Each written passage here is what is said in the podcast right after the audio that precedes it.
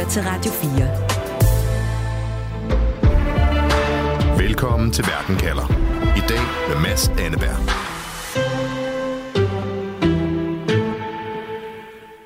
Nu skal du høre om noget, som kunne være taget ud af en billig sci-fi film, nemlig atombomber i rummet.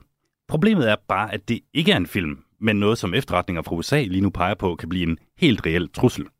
Det drejer sig om et antisatellitvåben, som russerne skulle være i fuld gang med at udvikle, og ifølge anonyme kilder drejer det sig om intet mindre end en atombombe. Men hvad vil det betyde for os på jorden, hvis en atombombe detonerede i rummet? Og hvis amerikanerne taler sandt, hvad vil Putin så opnå med det her nye våben? Det handler programmet om i dag, hvor jeg spørger, hvorfor frygter USA en russisk atombombe i rummet? Du lytter til Verden kalder på Radio 4. Ja, USA advarer altså om, at Rusland er i gang med at udvikle et rumbaseret våben, der kan ødelægge vestlige satellitsystemer. Og anonyme kilder mener at vide, at det drejer sig om en atombombe. Vladimir Putin, han siger selvfølgelig, bare rolig venner, jeg har ikke tænkt mig at springe en atombombe i rummet. Det ved jeg ikke, om gør mig mere eller mindre øh, bekymret. Men selvom det her altså ikke er bekræftet, så lad os lige dvæle ved, hvad det ville betyde, hvis en alt ødelæggende atombombe springer i det ydre rum. Thomas Schumann, rumjournalist og vært på podcasten Schumanns Rumraket. Velkommen til programmet. Ja, tak. Hvis vi nu forestiller os, at Rusland sender en atombombe op i rummet og detonerer den, hvad vil der så ske umiddelbart efter eksplosionen? Ja, men øh, hvad der vil ske, vi har vi faktisk øh, erfaring fra øh, for, for øh, amerikanerne har testet atomvåben øh, i rummet tilbage i, i 60'erne. Øhm, og det, der skete dengang, det var, øh, altså, udover en stor eksplosion, som kan ses øh, i milevid øh, omkreds, øh, så vil det også være med, så vil det også øh, udsende en masse stråling i rummet, som kan forstærke nogle af de strålingsbælter, der findes omkring jorden, og være med til på den måde at ødelægge satellitter, der er i kredsløb om jorden. Øh, da amerikanerne i øh, 1962 øh, lavede den øh, prøvesprængning, der hed øh, øh, Starfish Prime, øh, der ødelagde det seks satellitter i kredsløb øh, om jorden dengang på grund af stråling, som øh, simpelthen degraderede øh, solpanelerne på de satellitter, og så også elektronikken ombord. Dengang havde man ikke lige så mange satellitter i kredsløb om jorden, som man har nu, så konsekvenserne af, hvis man sprang, sprængte en atombombe i, i rummet, vil være for mig at se uoverskuelige med alle de satellitter, vi har i, i rummet i dag, og den afhængighed, som økonomier øh, rundt om i verden har af data øh, fra rummet. Der er rigtig meget, der foregår, som er afhængig af, at man har data fra rummet. Landbrug, militær, øh, der er også finansverden, der på forskellige måder er afhængig af, hvad der kommer fra rummet. Så det vil have helt øh, uoverskuelige konsekvenser, hvis man sprænger sådan en atombombe i rummet. Hvorfor er det lige præcis, at en atombombe kan ødelægge så mange satellitter?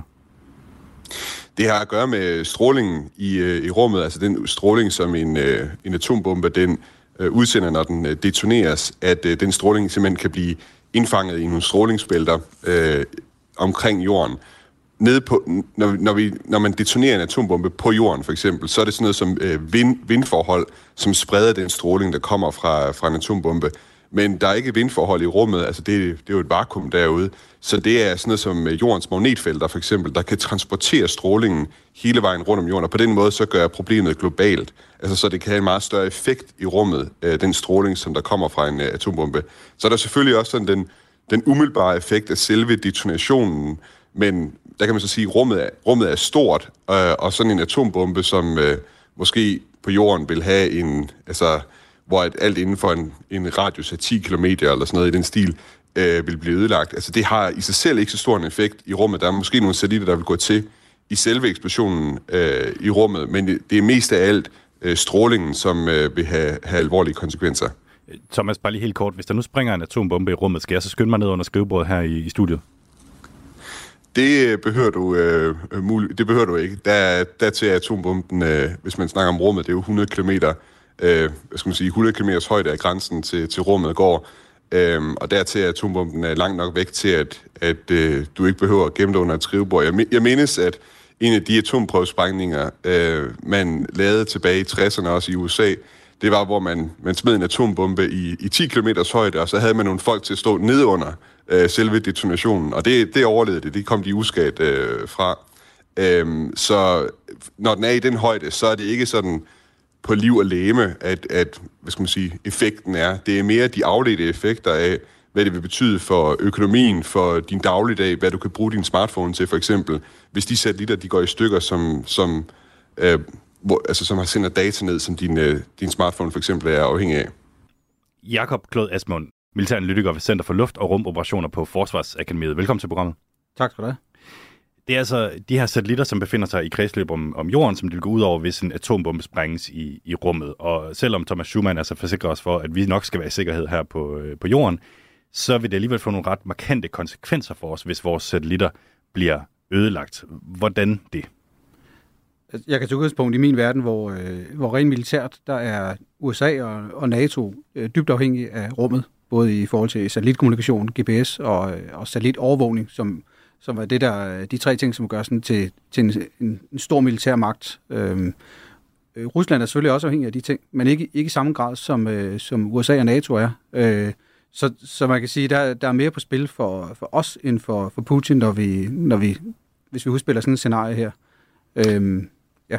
Ja, og man kan sige, altså militæret, øh, NATO, USA, Danmark, øh, Øhm, jeg tænker også her, at fru Jensen vil have svært ved at finde herfra til, øh, til Vordingborg, hvis det er, at, øh, at satellitterne går ned. Ja, den militære GPS, som, som jeg taler om her, det er den samme, øh, som vi alle sammen bruger i vores, øh, i, i vores smartphone. Øh, der findes selvfølgelig nogle alternativer, den europæiske Galileo for eksempel, men det, med de satellitter, de er i de samme kredsløb, så, så øh, detonerer der en bombe, opstår der øh, ekstra stråling i de kredsløb, så øh, så vil det gå ud over alle de satellitter, der er der. Øh, der, der, der er få satellitter, som godt kan overleve den øgede stråling, det, øh, og det er de amerikanske satellitter, som bliver brugt til overvågning i forbindelse med, øh, med deres missilforsvar mod missiler, der kan komme fra Nordkorea Korea og, øh, og Iran og andre, øh, andre stater, som har den type våben øh, de er forstærket på en grad, så de, i en grad, så de vil kunne overleve i, i længere tid, øh, men vil også på et tidspunkt, på grund af for den ekstra stråling, der vil komme derude i kredsløb om jorden. Hvad med fly og skibe og sådan noget, vil de kunne navigere? Øh, fly og skibe vil have svært ved at navigere. De fleste er afhængige af GPS, som det er i dag, for at kunne flyve øh, med flyene, er det for at kunne flyve så tæt, som de gør. Så man er afhængig af at flyve meget præcist og finde systemer, hvor man kan øh, godt kan navigere uden. På skibene er det lidt nemmere. Man kan, så kan man sejle langs land, man kan bruge søkort øh, og kompas, men det gør livet meget sværere for, øh, for både skibs- og, og lufttrafikken. Og så er der en helt anden ting, som, som jeg ved, du fortalte mig før programmet her, som gør, at vi er ekstremt sårbare her i Vesten, nemlig altså i forhold til finansielle overførsler. Ja, det er sådan, at øh, alle øh, computernetværk er ekstremt afhængige af at være meget præcise. Øh, og øh, det gør, at, at, der altid i et netværk vil være en server, som får sin tid et eller andet sted fra, for at kunne dele den med, med andre. Øh, og, og det gør jo, at, øh, at når der kommer en krypteret datapakke fra en computer til en anden, så, så er den krypteret blandt andet i forhold til tiden. Øh, og, og et sted, hvor det er ekstremt vigtigt, det er, når man overfører penge. Øh, man skal sikre sig, at det, er, at det her ikke bliver hacket, og at det er de rigtige penge, der kommer fra den rigtige afsender til den rigtige modtager. Så hvis man ikke har den præcise tid, så hvis noget som bankoverførsel, det, som vi kender det i dag, hurtigt, præcis, øh, rigtig mange bankoverførsler. Det vil gå tilbage til noget, som øh, hvor man i starten nok vil være afhængig af bankbøger og sådan noget, dem der er så gamle som mig kan huske, hvor det meget foregik øh, håndskrevet og papir og på lokale computere. Ja, det siger ikke mig så meget øh, bankbøger. Hvad med aktiemarkedet? Det vil være det samme. Det, er, det, vil, det vil gå i stå, øh, i, i dem, hvis man, hvis man, altså her er vi i en situation, hvor man mister GPS'en, øh, og, men jeg ved, at øh, Storbritannien har lavet en, øh, en analyse af det her, hvad det betyder for det britiske samfund, og de økonomiske konsekvenser er simpelthen øh, uoverskuelige af det, de konkluderer i deres rapport. Jakob Klod Asmund, det er jo altså ikke kun Vesten, der har satellitter i kredsløb om, om jorden. Det har øh, Kina også, og, og alle mulige andre lande, og, og ikke mindst selvfølgelig også Rusland. Men du siger, at de er lidt mindre afhængige af det, end vi er for eksempel i, i NATO-landene. Hvordan det? Ja, det, det handler meget om, øh, om, om den strategi, man har, sådan, øh, altså udenrigspolitisk, militært, øh, hvor Kinas anvendelse af rummet går mere mod, øh, at det skal bruges til at udvide den kinesiske økonomi, øh, og det, blandt andet ved at opsende, øh, øh, ved at lande på månen og starte på at udvinde mineraler fra månen, og hvad, hvad de kan bruge for at udvikle den kinesiske økonomi, hvor den amerikanske tilgang, øh, som vi andre læser, læner os op af, den øh, går meget med, at man, man ved at være en øh, militær stormagt, kan, kan udvinde nogle, øh, få nogle fordele, Øh, og, og ved at være den her dominerende militær magt øh, globalt, så kræver det, at man har øh, de her forskellige typer satellitter, GPS, øh, satellitkommunikation og overvågning i rummet. Ja, for jeg går ud fra, at hvis russerne kunne finde, på at springe en atombombe i rummet, så ville det også gå ud over deres egen satellitter. Det vil det også. Og det er jo ikke sådan, at Kina ikke bruger rummet og ikke er afhængig af det. øh, er det til deres, øh, til deres militær, men de er bare i, i lavere grad afhængige af det her, den her globale øh, hvad kan man sige, reach, altså at kunne være en militærmagt over hele jorden, ligesom USA jo har øh, meget tydeligt i deres udenrigspolitik. Med det en mente, så lad os prøve at kigge nærmere på, hvad det er, Rusland egentlig vil opnå med deres mystiske antisatellitvåben, som måske er en atombombe, og hvorfor de her mange sådan, gissninger og rygter kan måske være en del af våbnet. Du lytter til Verden kalder på Radio 4. Ja, de her spekulationer om, at Putin kunne finde på at bruge et atomvåben i rummet, startede for godt to, for godt to uger siden i USA. Det sker, da den amerikanske politiker Mark Turner, som sidder i kongressen og er formand for øh, efterretningsudvalget der, han offentliggør, at øh, udvalget mener, der er en seriøs national sikkerhedstrussel fra Rusland. Senere lød det så fra formanden for Biden-regeringens nationale sikkerhedsråd, John Kirby, at der var tale om et russisk anti om, at der var tale om russisk antisatellitteknologi, der var ved at blive udviklet. Men han ville ikke kommentere på de her rygter om atomvåben. Jakob Klod Asmund, militæranalytiker, altså ved Center for Luft- og Rumoperationer på Forsvarsakademiet. Der er sådan lidt gammel James Bond-film-vibes over det her med atomvåben i rummet. Er det realistisk? Er det muligt, at Putin har en plan om at sende en atombombe op i rummet? Ja, det, altså teknologisk er det øh, muligt. Øh, og teknologisk også realistisk, at man kan gøre det igen. Men, jeg, men min forestilling om, hvilke konsekvenser det vil have, også for Rusland, øh, får mig til at tænke, at, at, at man skal ud i et scenarie, hvor det her det er det er sidste mulighed for Putin. Altså sidste, hvad det amerikanerne kalder det, latch ditch, altså sidste skyttegrav, han gemmer sig i, og så kan man sige, nu, nu gør vi det her, fordi det er på højde, og begynder at ødelægge satellitter, øh, og muligheden for at anvende rummet er jo på højde med at øh, altså atomkrig, alt usluttende atomkrig mod hinanden, fordi det kan føre til en situation, hvor rummet bliver uanvendeligt øh, for os, os mennesker, øh, i årtier og måske århundreder øh, ude i fremtiden. Du har også fortalt mig, at det ikke grebet totalt ud af den blå luft, fordi at de faktisk har haft et lignende program tidligere i Sovjetunionen, som vi kender til. Ja, det, og det var ikke, altså, der var det, dengang var det ikke meningen, at de skulle skyde satellitter ned, men det er det her med at, at kunne detonere et atomvåben i rummet. Øh, og, det, og det, de havde egentlig, det var det, øh, at, man, at de i stedet for at have et øh, atomvåben, som man sender afsted med et missil, så havde de øh, et atomvåben, som man kunne sende i et delvis kredsløb øh, omkring jorden, og så på et tidspunkt øh, detonere det der, hvor man, øh, hvor man havde brug for det over amerikansk territorium for eksempel. Øh, og det, og det, så, så, det, så det var ikke et antisatellitvåben, men det var stadig en sprængning af atomvåben i rummet, og, det, og min konklusion er bare det, at, at så er teknologien til rådighed. Det er noget, de kan gøre. Hvordan de så anvender det i virkeligheden, eller tænker at anvende sig, det er jo, øh, det, det er jo så noget, vi gidsner om nu. Det er det nemlig. Thomas Schumann, rumjournalist og altså vært på øh, podcasten Schumanns Rumraket. Vi har altså nogle officielle efterretninger fra USA om, at øh, Rusland skulle være i gang med at, udle- øh, i gang med at udvikle det her ødelæggende anti-satellitvåben. Og så oven i det, så skriver blandt andet nyhedsbruget Reuters på baggrund af anonyme kilder, at det drejer sig om en atombombe. Men du mener, Thomas, at det godt kan dreje sig om en misforståelse. Hvordan det?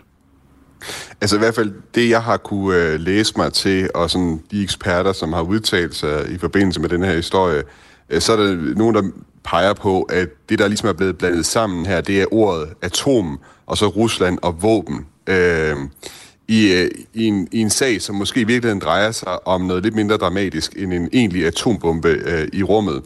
Øhm, det er der flere grunde til.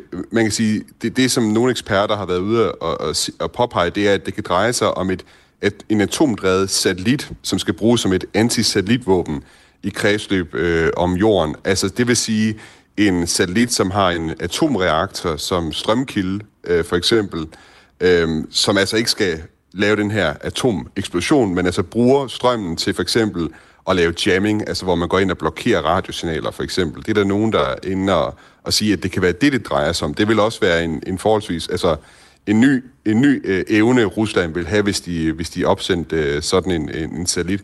Grunden til, at der er mange, der sådan afviser, at det skulle øh, handle, handle om en øh, atombombe øh, i rummet, det er også, som øh, Jacob var inde på, øh, det drejer sig om, at, at konsekvenserne vil være fuldstændig uoverskuelige øh, hvis man detonerer sådan en atombombe. Og det er noget, der rammer russerne selv også. Så det ville være sådan en slags aller sidste, kan man sige, James Bond skurkeagtig øh, handling, man ville foretage. Øh, og sådan lidt, lidt langt ude på den måde. Øh, og så der er en, for eksempel øh, yderrumtraktaten fra 1967, som forbyder, at man i det hele taget sender øh, hvad skal man sige, placere våben i, i rummet, placere masseødelæggelsesvåben øh, specifikt øh, i rummet, som for eksempel atomvåben. Og det er altså en traktat, som Rusland har skrevet under på, og som de ikke har trukket sig fra, den traktat endnu.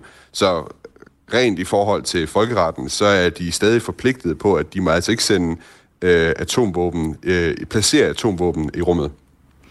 Okay, så Rusland er altså, øh, hvad skal man sige, kontraktligt forpligtet til øh, ikke at gøre det her. Jakob Klod Asmund, uanset om der er tale om et atomvåben eller ikke et atomvåben, er det så en trussel, vi skal tage alvorligt? Ja, altså alle, øh, alle trusler fra Rusland er noget, vi skal tage alvorligt, og, øh, men og man er godt klar over, at der er trusler mod vores øh, rumkapaciteter fra, øh, fra Rusland. Øh, og, det, og det er der allerede i dag. Der findes allerede øh, både det, man kalder øh, våben i kredsløb og våben på jorden, som er rettet mod, øh, mod satellitter, de satellitter, vi har. Øh, og, og de våben bliver der flere og flere og de bliver mere og mere effektive. De har dog nogle begrænsninger, fordi de jo står øh, på jorden, så de er minimum 100 km, ofte også 400 km mere væk fra de satellitter, som de prøver at, at påvirke enten med jamming eller laser eller lignende. Øh, så derfor kunne det godt give mening, at man forsøger at udvikle noget, som man så kan sætte i kredsløb, øh, og så med en kraftig energikilde gøre noget, øh, øh, gøre noget ved de satellitter, som, som vi har i kredsløb. Øh, truslen er ved at være så udbredt nu, så, så det amerikanske Space Force, det er noget af det vigtigste, de arbejder på nu, det er, at, at det er det her counter space, øh, som de kalder det, og, øh, og, det, og det at så kunne gøre noget ved, ved de våben, som de andre har øh, på jorden og, og i kredsløb, øh, men også at sikre sig, at, at de afhængigheder, vi har i rummet, øh, at vi har nogle andre kapaciteter, der ligesom kan gøre det, så man kan sige, øh, de kalder det uh, terrestrial space-like capabilities, det vil sige, at man laver ting på jorden, som ligesom opfylder de behov, som man er vant til at få fra rummet, sådan så man i tilfælde af, at en satellit eller en konstellation af satellitter bliver, bliver taget ud af spillet, så, kan man, så har man en, en backup, der står på jorden, der kan, der kan give noget af det samme. Øh, så det, det, det er noget, som i hvert fald øh, USA og mange andre vestlige lande er meget opmærksom på. Du lytter til Verden kalder på Radio 4. USA beskylder Rusland for at være i gang med at udvikle et antisatellitvåben. Og selvom Putin har meddelt, at Rusland er imod at anvende atomvåben i rummet, så spekuleres der i, om det lige præcis er det, Rusland planlægger.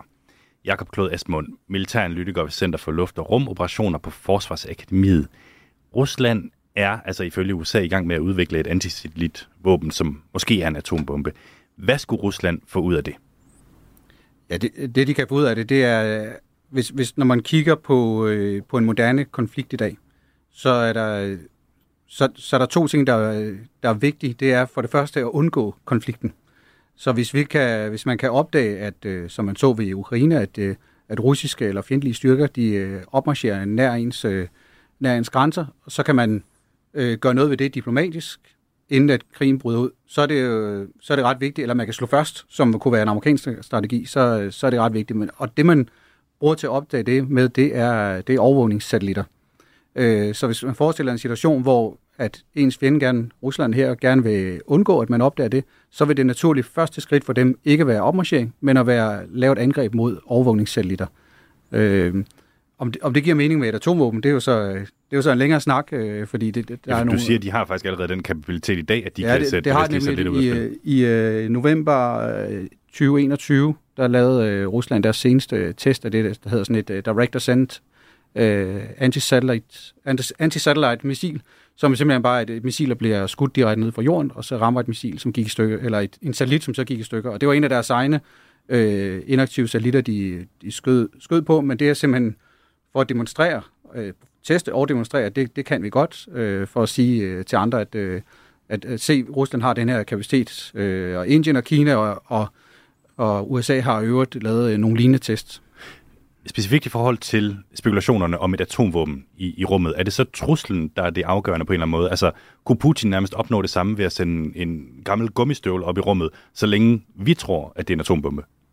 Ja, ja det, det, det kan man sige. Hvis, hvis, han, hvis Putin vil have os til at, øh, at, at tale om det, og måske anvende rummet mindre, øh, og, og blive skræmte, som jo nogle gange er det vigtigste, så, så, øh, jamen, så er det jo egentlig lige meget, hvad den her kapacitet kan, så længe vi tror på det. Der, der vil man så have nogle diskussioner i, der er noget afskrækkelsesteori, sådan noget, hvor man kommer ind på, hvad, hvornår holder en trussel op med at virke, hvis man ikke har demonstreret den. Men, øh, men i begyndelsen, ja, øh, der vil man godt kunne afskrække, uden at, lige, uden at demonstrere, hvad våbnet kan. Altså efter et par år, så vil man gå og tænke, er det i virkeligheden en gummistøvle, han har sendt ja, op i rummet? Ja, det er jo derfor, det giver mening øh, at lave en, øh, sådan en nedskydning af en satellit, selvom det skaber en masse rumskrald, som er rigtig dårligt for, hvor de kredsløb, hvor den bliver øh, nedskudt i. Øh, men, øh, men ja, i starten vil det være nok at sige, at man kan. Thomas Schumann, altså rumjournalist og vært på podcasten Schumanns Rumraket. Hvis vi prøver at kigge på timingen her, øh, for hvornår de her meldinger de begynder at, at komme her for et par uger siden, så mener du, at øh, krigen i Ukraine kan have haft stor betydning for det. Øh, hvorfor det? Jamen, hvis vi ser øh, på krigen i Ukraine, så øh, illustrerer det, at vi har en ny dynamik i forhold til, hvordan rummet og krig nede på landjorden, det udspiller sig. Det så vi, det var vi faktisk alle sammen vidne til, øh, da russerne rykkede ind i Ukraine, for vi så alle sammen billederne af de her kolonner af, russiske styrker, der er rykket ind mod Kiev. Og normalt, så kan man sige, USA offentliggør jo ikke deres spion-satellitbilleder, øh, af den her slags. Så grunden til, at offentligheden i det hele taget fik adgang til det her slags billedmateriale, det er fordi, der er en masse øh, private virksomheder, som har gjort en forretning ud af at øh, tage billeder af jorden, og sådan nærmest uh, skal man sige, en gang i døgnet have mere eller mindre et opdateret kort af, hvordan jorden den ser ud. Øhm, og det er sådan nogle store netværk af, af satellitter, konstellationer kalder man det, altså hvor der flyver måske 100 øh, satellitter, som hele tiden knipser billeder af, hvad der, hvad der foregår øh, nede på jorden. Og derudover så har du så SpaceX, som har udviklet øh, Starlink-netværket øh, en anden konstellation, som uh, giver internet, og som vi jo alle sammen har hørt om, at gå ud fra, uh, hvordan de hjælper de ukrainske styrker med at opretholde forbindelsen ude på slagmarken. Det er jo nogle ting, som har vist sig i hvert fald at gavne Ukraine helt vildt meget, uh, og som har været en ulempe for, for Rusland. Og der kan man sige, uh, der står Rusland i en situation, hvor at, at de skal finde en måde at, at navigere i, i det her på, for de er jo selvfølgelig ikke interesseret i, at øh, Ukraine har de her fordele, men samtidig kan de heller ikke øh, så direkte gå, gå ud og nedskyde de her satellitter, fordi det er altså amerikanske virksomheder, der ejer de her satellitter, og på den måde kunne det være et øh, angreb, angreb direkte på, på USA. Men altså finde en eller anden måde, hvor man måske mere indirekte, altså uden at øh, rent destruktivt gå ind og, og ødelægge satellitterne, så måske kan gå ind og, og jamme dem eller, eller hacke dem. Og det er også noget, det vi så rent faktisk i øh, krigens øh, første timer, at øh, nogle af de stationer, som kommunikerer med Viasat-satellitterne, øh, det er sådan en kommunikationssatellit, øh, i Europa, de blev hacket, sådan at, øh, at man faktisk ikke kunne bruge satellitten. Det var noget, øh, ukrainerne de, øh, de var meget afhængige af på det tidspunkt. Øh, så det er sådan nogle angreb, i hvert fald, vi har set, øh, hvad skal man sige, øh, russerne benytte sig af, sådan noget som jamming og hackerangreb. Øh, og hvor jeg også tænker igen, at øh, hvis, vi tænker, hvis vi ser på sådan et et rumbaseret øh, våben, som skulle bruge atomkraft, at det måske mest sandsynligt vil være, at det vil være til jamming, altså hvor man ikke går ind direkte og ødelægger øh, de her satellitter, men øh, måske mere effektivt kan gå ind og blokere signalerne fra dem. Du lytter til Radio 4. Fra USA lyder der advarsler om en ny slags våben, som Rusland skulle være i gang med at udvikle – nærmere bestemt et antisatellitvåben, som på den ene eller den anden måde vil kunne skabe enorm ravage i en verden, hvor vi er ekstremt afhængige af de mange satellitter i kredsløb. Jakob Klod Asmund, militæranalytiker ved Center for Luft- og Rumoperationer på Forsvarsakademiet. Hvis du skal konkludere her til sidst, hvorfor frygter USA en russisk atombombe i rummet? Det, det frygter USA, fordi at sådan en øh, atomsprængning vil have en, øh, kunne have det, man kalder en, en permanent effekt. Altså andre våben, som er dem, øh, Thomas er ind på tidligere her med jamming osv., det, det vil være midlertidige effekter. Men permanente effekter er man ikke interesseret i i krigsførsel. Hvis man forestiller sig, at Rusland vil indtage Ukraine, hvis det eneste, de vil gøre, det var at slå alle ukrainer ihjel, så kunne de bruge atomvåben, og det vil skabe en, en, øh, en permanent effekt. Alle ukrainer vil være døde, men der er heller ikke nogen, der vil kunne bruge Ukraine. Så det vil være en anden måde at føre udenrigspolitik og krig på, øh, og det samme gør sig gældende i rummet. Så min konklusion er, at det, det, de permanente effekter er det sjældent noget, man er interesseret i. Ja, det er de her ultimativer, som man er, man er rigtig bange for i, i krigsførsel. Ja. Thomas Schumann, rumjournalist og vært på podcasten Schumanns Rumraket. Hvorfor frygter USA, øh, hvad end det er, Rusland er ved at udvikle lige nu? Jeg tror, man er bekymret over, hvad Ruslands reaktion kan være på de mange satellitter, og den, den, de evner, kan man sige, eller de, de ting, som USA har fået kvæg øh, de øh, kommersielle virksomheders øh, satellitnetværk i rummet. Altså det, at, at der er de her store konstellationer, som er meget svære for russerne at, at, at stille noget op over for. Der tror jeg, at amerikanerne kan være bekymret for, hvad Ruslands træk bliver i forhold til det, øh, og på en eller anden måde at sætte dem ud af spillet. Og der, der kører en helt, øh, hvad skal man sige, en debat i USA om, hvad stiller man op, hvad gør man for, at de her private satellitter, de er bedre rustet mod øh, russiske angreb. Thomas Schumann og Jakob Klod Asmund, I skal begge to have tusind tak, fordi I var med på programmet. Velkommen. Velkommen. Programmet var sat sammen af Frederik Lyne og mig selv, Mads Anneberg. Vores redaktør er Camilla Høj Eggers. Lyt med igen i morgen. Du har lyttet til en podcast fra Radio 4. Find flere episoder i vores app, eller der, hvor du lytter til podcast.